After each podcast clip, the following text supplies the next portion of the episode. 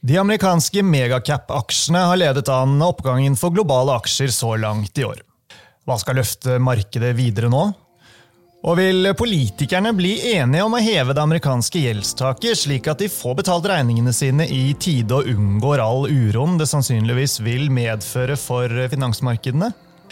Det skal vi snakke mer om i dagens eh, episode. Vi skal også svinge innom noen av rigg-aksjene som opplever medvind, og minne om et par røde flagg som fremdeles vaier i markedet.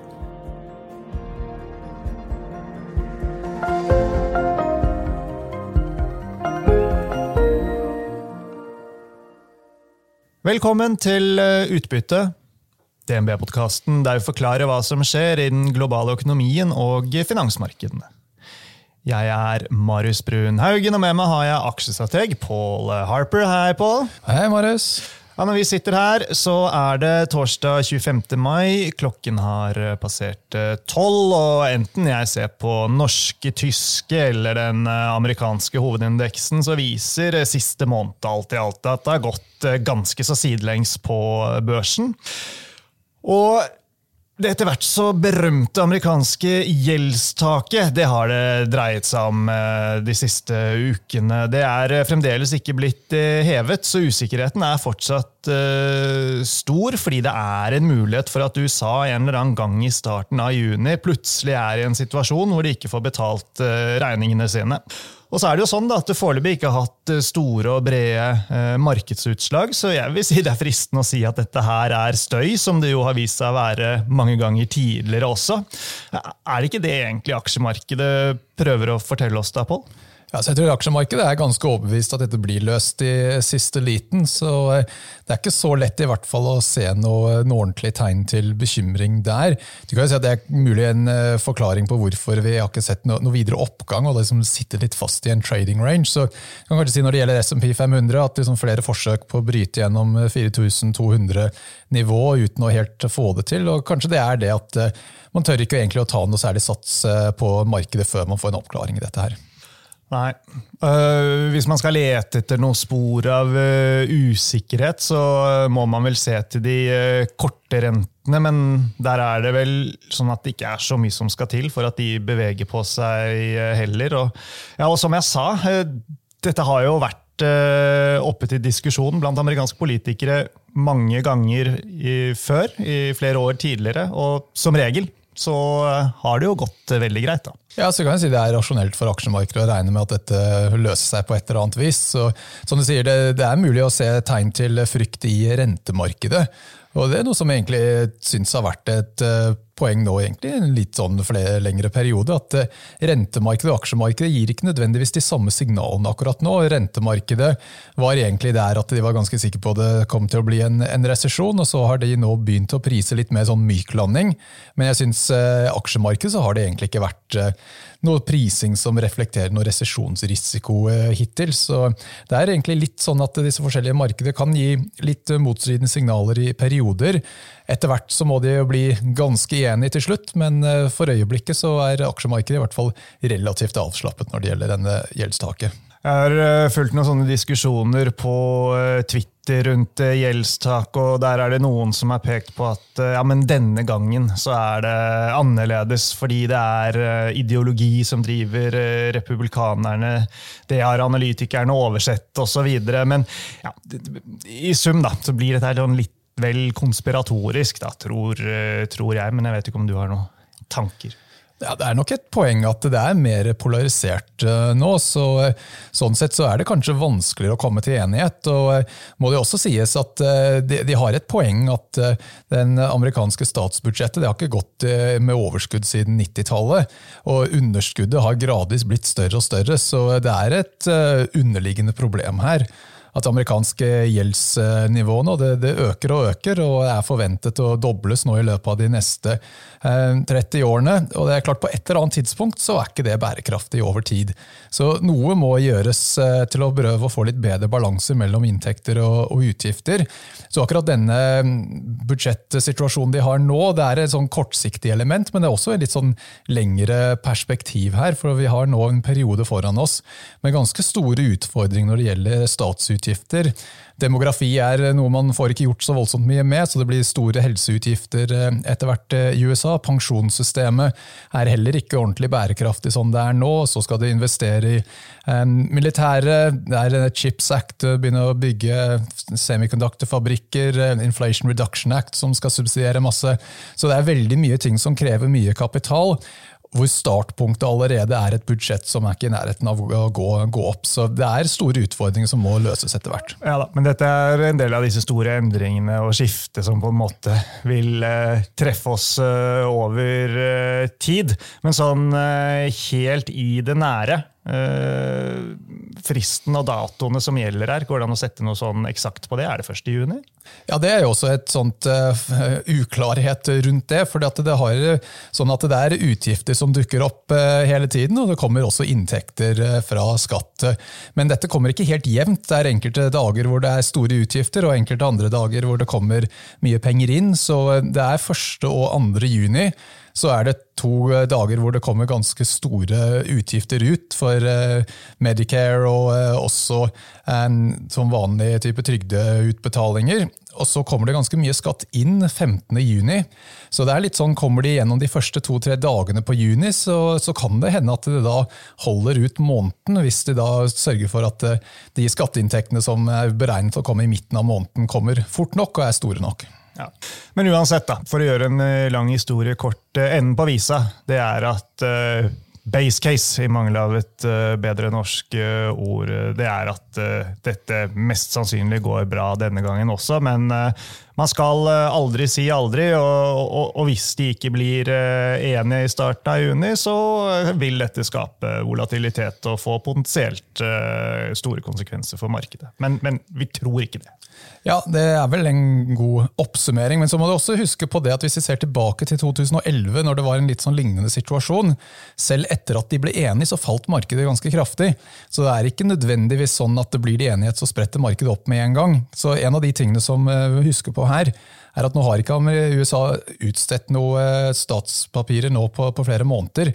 Og Det er egentlig en slags form for eh, quantitative easing. kan du si, At de bruker penger, men de trekker ikke noe likviditet ut til å balansere det. Så nå, Når de da får eh, enighet på dette, her, så kommer du til å ha en periode hvor de utsteder veldig mye gjeld på forholdsvis kort eh, tid. så Det blir en sånn quantitative tightening i turbofart, hvor da mye likviditet blir tatt ut av markedet til å absorbere disse statspapirene som skal ut. Og Det er nok kanskje noe av grunnen til at markedet falt også etter at gjeldssaker ble eh, høynet eh, forrige gang. Det var en del andre faktorer inne i bildet også der. Men vi kan ikke være sånn helt sikre på at eh, det nødvendigvis er en løsning på dette her, som da gir grønt lys for videre oppgang. Ok, Så, så hvis det ordner seg med gjeldstaket da, i neste uke mm, vi vil ikke nødvendigvis fortsette da med denne perioden på børsene som vi nå har hatt siden april, med lite svingninger? Nei, så Det kan godt hende at det blir store svingninger. Om nettoen blir opp eller ned, det er uh, vanskelig å si. Det er klart det er en, en, fordel at man får orden på dette her, den ene veien eller den andre. Så, så det er liksom kanskje det første skrittet som vi trenger til å få en litt mer stabil base.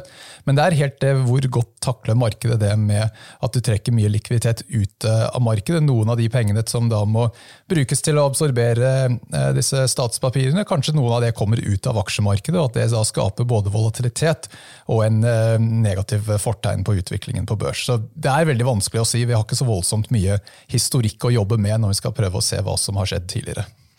Ok, uh, Hvis vi ser på utviklingen i aksjemarkedet så langt i år, så er uh, hovedindeksen i Oslo Børs opp rundt 3 uh, SMP 500 opp 7% og så har vi Nasdaq da, opp nesten 20 Jeg sorterte SMP-aksjene på markedsverdi rett før vi gikk i studio, og da ser man at syv av de største selskapene, Apple, Microsoft, Amazon, Nvidia, Alphabet, Tesla og Meta, alle er opp 30% i år eller mer. Eh, Meta og Nvidia, da. Eh, mye mer. Altså, hvor lenge kan disse megacappene fortsette å dra markedet opp eh, så å si alene? Altså, jeg tror vi må nok se en litt bredere utvikling her. At det sprer seg til noen flere sektorer. For spesielt den siste oppgangen vi har hatt nå ja, de siste to-tre ukene, har kommet med et bakteppe av stigende renter. Så Vanligvis så er det sånn at de vekstaksjene gjør det best når rentene faller. Så det er litt eh, egentlig rart at de har klart seg såpass bra, til tross for at de da begynner å få litt motvind fra renter. Så det føles kanskje litt som det kanskje er en, noe desperasjon blant eh, forvaltere i USA. Dette er som de sier, de største aksjene, så veldig mange tror jeg er litt undervektet i de uh, selskapene. For det, det blir store poster i porteføljen selv om du har en, en liten vekt der. Så det kan nok hende at det er litt, eh, at det er litt sånn catch-up, prøver å vekte seg opp, sånn at de ikke underperformer noe mer med at de aksjene går såpass mye. Og at det da har egentlig gått kanskje litt mer enn det fundamentale egentlig kan eh, forsvare. Nvidia kommer med tall onsdag kveld eh, denne uken. Eh, aksjen steg 25 prosentish, var det ikke det? I eh, etterhandelen. Altså, er ikke dette nesten smått utrolig, da? At en av verdens største selskaper målt i markedsverdi kan hoppe så mye på et blom? Ja, det er absolutt ikke noe man ser veldig ofte. Og jeg tror Det kan nok være litt der med at det har jo vært en aksje som har gjort det veldig bra lenge, og en litt sånn consensus long. Det er mange som jeg tror har liksom pushet denne nettopp pga. den artificial intelligence-type tema.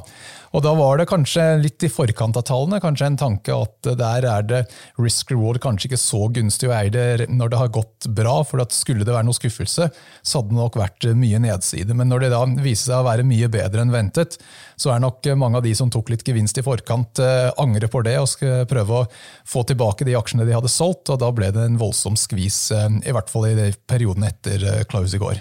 Mm. Men disse megacapene, da. Eh, er det egentlig aksjer som vil eh, falle kraftig hvis eh, USA går inn i resesjon og tidene blir litt hardere enn det aksjemarkedet priser inn nå? Altså, disse selskapene er jo globale, de tjener penger. Altså, er det så mye å være bekymret for? At luften skal gå ut av ballongen her? Ja, altså jeg tror nok det du sier er noe av grunnen til at de har gått såpass bra. For at de er også forholdsvis defensiv. Og med defensivt da mener jeg at veksten er ikke så avhengig av eh, utvikling i økonomien. Så jeg tror Hvis du sammenligner for da de, de aksjene med den Ark Innovation, da det er en sånn type early stage-fond som er eh, ganske kjent i USA, så har den gått mye dårligere. Så jeg tror det er et element her av at eh, Investorer vil finne si, trygge aksjer å gjemme seg i. De fleste av de har veldig sterk balanse, sitter på mye cash, har sterk eh, inntjeningsvekst. Mens eh, de mer sånn eh, ja, Jeg vet ikke helt hva, hvilket ord jeg skal bruke uten å fornærme noen her, men i hvert fall når det gjelder mer sånn early stage selskap som har svakere balanse, litt mer avhengig av kontinuerlig påfyll av kapital, så er det ikke den samme tryggheten i de aksjene. Og de har hengt etter i mye større grad. Så jeg tror liksom fellesnevnet på det som har fungert bra, er ikke bare at det er vekstaksjer, men at det er en type kvalitetsvekstaksjer, heller enn eh, da mer sånn type spekulativ vekst. Mm. Men uh, som du sa innledningsvis, det du uh, ønsker å se for å bli mer positiv til uh, markedet, det er en, en bredere oppgang enn det vi har sett hittil i år. Ja, så jeg tror Hvis det er litt mer sånn confidence på at det ikke blir resesjon, eller at det i hvert fall kan dytte det litt lenger foran seg, så vil det da være naturlig at du begynner å se litt mer sånne sykliske verdiaksjer eh, begynne å ta igjen eh, litt? For de, de har vært litt uh, tyngre hittil i år. Så som du sier, liksom de Vekstaksjene egentlig har dratt hele lasset i USA. Tar du bort de største aksjene, så er SMP-indeks mer eller mindre flatt, tror jeg. Så da trenger du egentlig å få en del av de aksjene som normalt sett gjør det bra når det er ganske bra vekst i økonomien. Hvis du ikke klarer å få noe tegn til noe livstegn i de aksjene der, så vil det i så fall være noe du kan tolke til en viss grad at det er rett og slett ikke noe, noe tro på at eh, økonomien kommer til å ta seg opp. Bank er jo kanskje den sektoren som eh, si, peker seg ut mest. Det har vært veldig svak nå i en, en, periode. Ganske lav prising, men positive estimatjusteringer etter en god rapporteringssesong. Så eh, hvis bank kan begynne å, å, å outperforme litt, så ville det tolke det som et mer sånn bull-signal for markedet generelt. Hvis de ikke klarer å, å, få til eh, noe særlig her, så ville det være noe du kan da tolke for at uh, her skjønner man at det kommer lånetap etter hvert, med andre ord at en resesjon er rundt hjørnet allikevel. Og at det ville være litt mer sånn negativt signal for markedet. Så uansett om man eier bank eller ikke, så tror jeg det er en viktig sektor å følge med på. Mm. Men du, Paul, når vi snakker om grunner til å være bekymret, det er jo alltid noen av de i markedet. Fikk du med deg innseilingen til det amerikanske hangarskipet til Oslo denne uken? Ikke live, jeg så noe på, på TV, men ikke noe, noe, mer enn det. Nei, ikke sant, ikke sant. Jeg tenker at det, altså, Vi snakket jo om disse store trendendringene litt uh, tidligere. Altså, jeg tenker at Dette er en påminnelse om at verden er i endring i en mer urolig retning da, enn før. Ja, det tror jeg du kan eh, trygt si. Altså, Amerikanerne kommer ikke hit bare for å vise fram at de har en flytende flyplass? Nei da, det er nok eh, noe man, man kan nok lese litt mer i det enn eh, en bare å, å, skryte litt av det nye, nye, leketøyet de har her. Så jeg tror dette er en påminnelse av at verden har blitt mer urolig nå i det siste. Og jeg er heller ikke overbevist at vi kan forvente at det blir så voldsomt mye roligere heller på en stund. Jeg tror det er ofte litt sånn at det er en sånn pendel når det svinger mye den ene veien, så må den svinge ganske langt den andre veien også, før du eventuelt eh, begynner å se at det roer seg litt eh, ned igjen. Så det kommer liksom litt inn på det samme som vi snakket om, det med gjeldstak og langsiktig utviklingen med amerikansk gjeld at det er flere ting nå som trekker i en litt vanskeligere retning. For en del av det bildet med gjeldssituasjonen i USA er at Kina har tidligere vært en storkjøper av amerikanske treasuries. Så da Gjennom liksom 2000-tallet så hadde en periode hvor Kina da eksporterte deflasjon til eh, USA, og så reinvesterte de overskuddet inn i amerikanske rentepapirer. Så da trakk du både inflasjonen ned, pluss at du trakk realrenten ned med den eh, etterspørselen. Nå driver den prosessen og går i revers. Kina skjeller seg ut av eh, amerikanske rentepapirer, så de trekker realrenten opp, samtidig som du da får mindre deflasjon inn fra billig import av kinesiske varer. Så det er er ganske mye forskjellige elementer til denne saken. her, At det slår ut både på risikoappetitt, men også eh, ut på priser i, i, markedet, når du har store endringer i flyten som, som kommer. Mm, mm. Og igjen, da, dette er jo ting som skjer over en uh, lengre periode, og startet vel kanskje for alvor når uh, amerikanerne frøs russiske assets uh, tilbake i tidene rundt da Ukraina situasjonen og krigen startet. Ja, så Dette er ikke noe som er en sånn type eh, en event som gjør at du skal eh, selge aksjer i morgen. Dette er noe som har pågått eh, en stund. Det var allerede i en prosess med å vekte seg ned i amerikansk treasuries for noen år tilbake. Så kan jeg si at denne prosessen her begynte å akselerere når Trump begynte å, å, å krangle litt mer høylytt med Kina. Men dette er en prosess som har liksom bygd seg opp over tid, og så akselererer enda litt mer nå, heller enn noe som bare plutselig startet. Ja da. Men alt i alt, eh, dette hangarskipbesøket det er vel ikke det vi skal kalle et rødt eh, flagg. Men det er et par andre røde flagg som jeg synes eh, det er grunn til å minne om. og det ene det er den inverterte rentekurven, Pål. Dette har vi jo snakket om før, men vi skal ikke glemme at det har vært en veldig pålitelig resesjonsindikator, og den, den gjelder jo fortsatt. Ja da, Sist gang den bommet var 1966, eh, eh, så eh, du må ganske langt tilbake til å finne et tilfelle hvor det ga et falskt signal. Vanligvis så er ledetiden fra rentekurven inverterer til resesjonen begynner, sånn i snitt rundt 18 måneder. Noen ganger så har det vært nesten helt opp i, i to år. Den inverterte i fjor høst, så det at det ikke har blitt noen resesjon enda, er ikke noe eh, Det er ikke nå man kan egentlig si, konkludere med at det signalet har vært feil. Det er egentlig først et godt stykke ut i neste år, egentlig kanskje andre halvdel neste år, før du kan begynne å eventuelt argumentere for at eh, det signalet har slått feil. Så for øyeblikket, så, eh, selv om det ser forholdsvis greit ut, så mener jeg man skal være ydmyk for at ting kan snu fort når det først begynner å gå feil vei, og dette er noe som har gitt veldig gode signaler tidligere. Ja, så bare litt teknisk men minn oss bare kort om hvilke renter eh, du henviser til her. Det er jo eh, flere sånne rentekurver det blir henvist eh, til, men det er vel ti år og tre måneder som du tenker på her? Ja, så er den jeg pleier å bruke, for den har en tendens til å invertere litt etter etter den eh, ti år minus to år, som det er den eh, mange andre eh, ser på. Så du får litt tydeligere signaler med den ti år, tre måneders-varianten. Selve logikken er jo egentlig, egentlig, det samme, så det har ikke så veldig mye å si, men treffprosenten blir litt bedre med den tremånedersløsningen. Ja. Så det er jo det ene veldig tydelige røde flagg som fortsatt er der. Ehm, det andre det er jo bankuroen, Pål, og hva som kommer i kjølvannet av det, kan du si. I hvert fall delvis, da, i form av økte kredittspredder osv. Ja, så En av de tingene man har sett historisk, er at når bankene strammer inn på lånevilkår, så kommer gjerne kredittspredder ut, det blir dyrere, den risikopåslaget for renter øker. Og det har en tendens til å lede aksjemarkedet. Så Vi har sett det tydelig i forkant av finanskrisen. så var rentene eh, begynte å skjønne at noe var galt litt før aksjemarkedet skjønte det, og tilsvarende så bundet det ut før aksjemarkedet i mars 2009. Eh, og så hadde vi også tilsvarende signal da i forkant av covid. Så begynte renter og spredder å øke, mens aksjemarkedet fortsatt eh, beveget seg oppover. Så det også ga et veldig bra early warning at dette her var litt mer alvorlig enn det kanskje så ut til å begynne med. Og så fikk vi enda et eh, varsel da i slutten av 2021, hvor rentespreddene gikk ut. Aksjemarkedet fortsatte videre oppover, og det ga et godt signal at 2022 skulle være et vanskelig år. Og Nå har vi sett at det begynner å kanskje øke litt. Jeg vil ikke si at det er et sånn veldig tydelig signal enda. Rentespredden har liksom kommet bitte litt ut, men ikke i nærheten av hva du kanskje kan forvente gitt en innsamling i bankutlånspraksisen.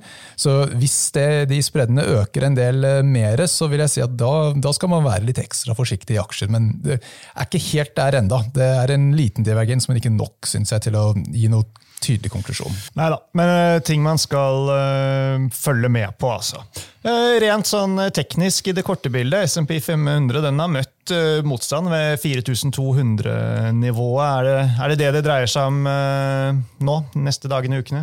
Ja, På kort sikt i hvert fall så er det hatt liksom flere forsøk hvor det har vært over 4200 intradag, men ikke klart å stenge over det nivået. Så det er klart det har jo et, etter hvert blitt et signifikant motstandsnivå som vi må klare å, å komme igjennom. Eh, hvis de ikke klarer det, så har de liksom litt støtte, om ikke altfor langt ned fra 200-dagers eh, glidende snittet.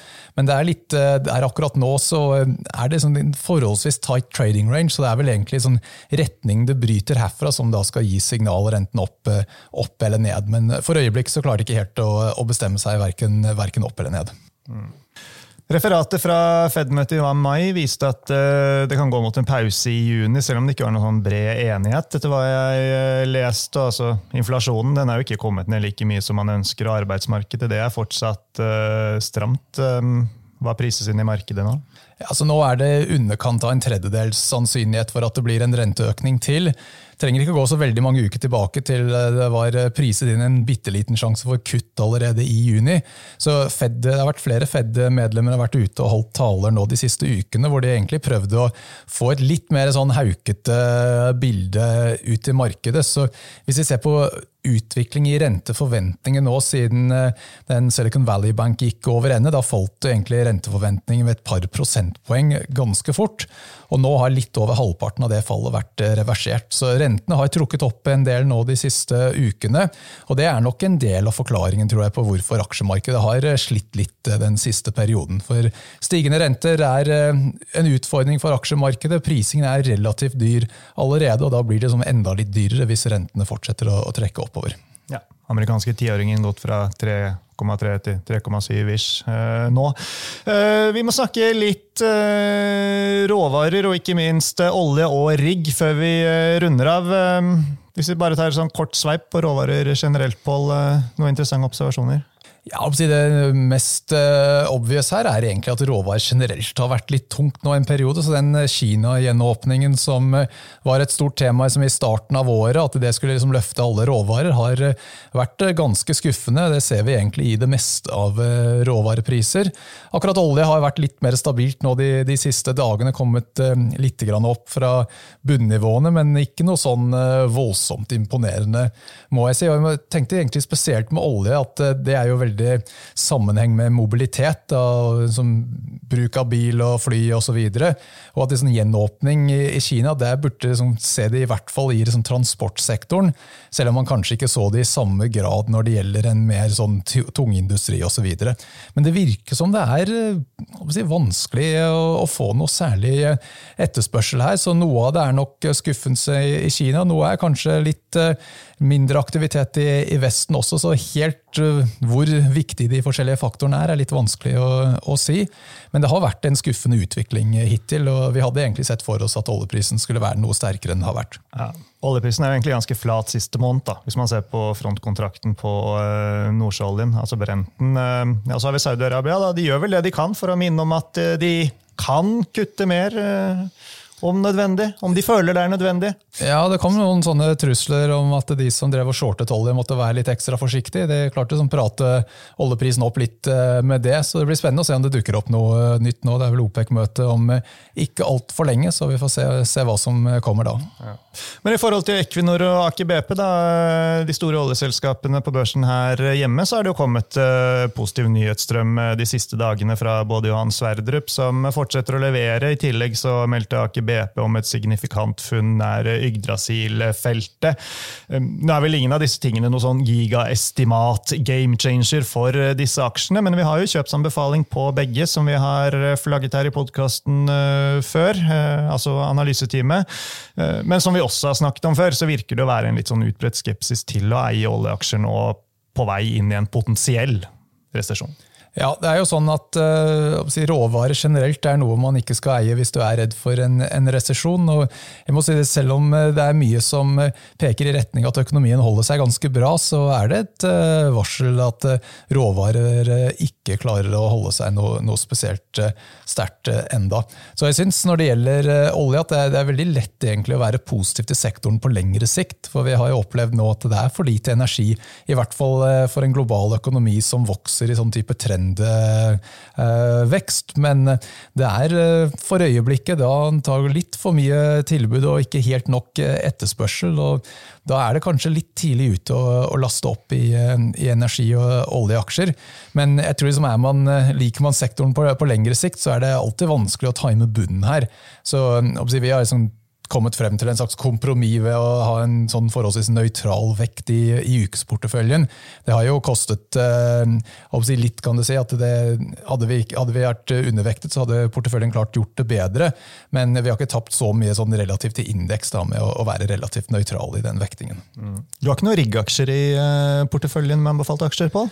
Nei, ikke akkurat eh, for øyeblikket. Det har jo vært et problem uh, lenge at det har ikke vært noen rigg-aksjer som har vært som store nok og likvide nok til at det har vært så lett å, å handle de. Men nå har det jo kanskje blitt litt mer aktuelt igjen. Ja da, eh, og Bor, Bor, Bor Drilling de har jo for så vidt en bra story så langt i år. De er oppover 50 her uh, hevet nylig uh, analytikeren uh, i Markets, Martin Husby Karlsen, kursmålet fra 90 til 110 kroner. Kom en rapport tidligere denne uken, ble beskrevet som ganske nøytral. Fokuset ligger på refinansiering, som igjen vil kunne trigge villighet til å prise inn utbytter. og Til en viss grad så er det vel det dette caset dreier seg om, eller kommer til å dreie seg om da, fremover. Ja, jeg tror det. Det er uh, spennende. Ratene går riktig vei. Ja, så Det er en uh, situasjon nå hvor disse selskapene tjener egentlig ganske bra med penger. Når det gjelder akkurat Bård Drilling, så er de i en situasjon hvor de må, de må, refinansiere før de kan begynne å betale utbytte, for det er begrensninger på mulighet til å betale utbytte med de lånebetingelsene de har akkurat nå. Men i og med at ting går såpass bra, så tror jeg ikke det skal være så vanskelig å reforhandle akkurat det. Og Det gjør at det kan være mulighet for utbytte da mot uh, en eller annen gang andre halvdel av i år eller av, eller begynnelsen av neste år en gang. Så de, de må reforhandle gjelden først, men da er det nok mulig å, å begynne å få en uh, ordentlig premiumprising på aksjen. Litt sånn som Sidril i de glansdagene på sånn 2006-2007-perioden. Ja da. Og når du snakker om Sidril, Paul, de hadde jo en veldig god uh, start på året sånn kursutviklingsmessig, men siden februar så har det gått mer sidelengs. Her har eh, analytikeren eh, kjøpsanbefaling og kursmål 550 kroner. Utbyttet er også i fokus eh, her. Sideril blir jo beskrevet av analytikeren vår som en av de ledende dypvannsriggselskapene, eller at det er tilbake som det. Og fra 24-25 så ser han potensial for ganske betydelig utbytte, men også her, da så er det litt refinansieringsfloker, om vi kan kalle det, som, som, må løses. Ja, så det har det, og så er det det andre med, med Sidil, som er eh, en faktor man må i hvert fall være klar over. At eh, en del av Sidils aksjonærer i dag er de som ble konvertert fra gjeldsposter til aksjer i refinansieringen som, eh, som de har vært igjennom. Og de er ikke naturlige aksjeeiere, så etter hvert som aksjeprisen eh, kommer opp, da, hvis, eh, hvis, det er sånn det, det spiller seg ut, så må man være forberedt på at det kommer noen sånne blokkplasseringer med jevne mellomrom, mens når disse eh, forvalterne eller eierne av disse aksjene da prøver å cashe inn det de har, når de i utgangspunktet egentlig er mer gjeldsinvestorer. Så med jevne mellomrom så må du nok forvente at det kommer en del ekstra aksjer ut i, i markedet, og det kommer typisk etter en periode med ganske bra performance vanligvis. Mm. Men utsiktene for uh, nye jobber i uh, det norske markedet det um, ser jo stadig bedre ut, og det er jo en positiv for uh, Sidil, som har rigger som er aktuelle for dette. Ja, det er jo sånn at vi har liksom lagt bak oss nå en lengre periode hvor det har vært altfor mye kapasitet. Det hadde meste innenfor oil service, men etter hvert nå så har eldre rigger blitt eh, skrotet, og etterspørselen har tatt seg opp. og Nå har liksom markedet blitt ganske stramt igjen, så da er det mulighet for å tjene gode penger innenfor eh, riggsektoren. Bra det, Pål. Hvis vi helt eh, til slutt skal driste oss på en oppsummering, hva blir dine tanker om veien videre? Ja, nei, Jeg syns det er veldig vanskelig med både det med gjeldstaket, som er en litt sånn faktor som er ikke egentlig helt mulig å spå nøyaktig hva Eh, utfallet blir. Men eh, selv om det blir en løsning eh, på det, så må vi også være forberedt på at det ikke nødvendigvis gir et grønt lys for markedet fremover. I hvert fall når vi ser på hva som skjedde i 2011. Så jeg syns det er liksom fornuftig å være relativt forsiktig for øyeblikket. Være liksom litt mer opptatt det av å unngå å tape penger, heller enn å prøve å være altfor aggressiv og, og, prøve å sånn, skape sin formue i dag. Jeg tror det er egentlig viktigere det å sørge for at man har fleksibiliteten til å investere når oddsen blir litt, eh, litt bedre og litt mer positiv, enn det er akkurat nå som prøve å ta altfor store sjanser. Ok, med det så uh, runder vi av for uh, nå. Så da gjenstår det bare å si tusen takk, Pål, for at du var med. Og sist, men ikke minst, uh, tusen takk, folkens, til alle dere som lyttet.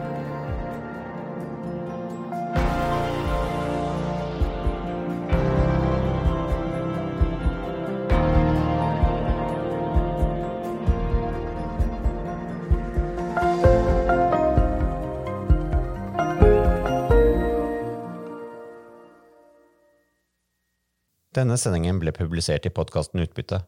Innholdet i sendingen er å anse som markedsføringsmateriale fra DNB og er ment å være generell spareveiledning. Sendingen skal ikke oppfattes som et tilbud om å kjøpe eller selge finansielle instrumenter, eller som investeringsrådgivning tilpasset den enkelte investors situasjon. En investor som har behov for råd eller har spørsmål om informasjon som gis, bør kontakte en finansrådgiver.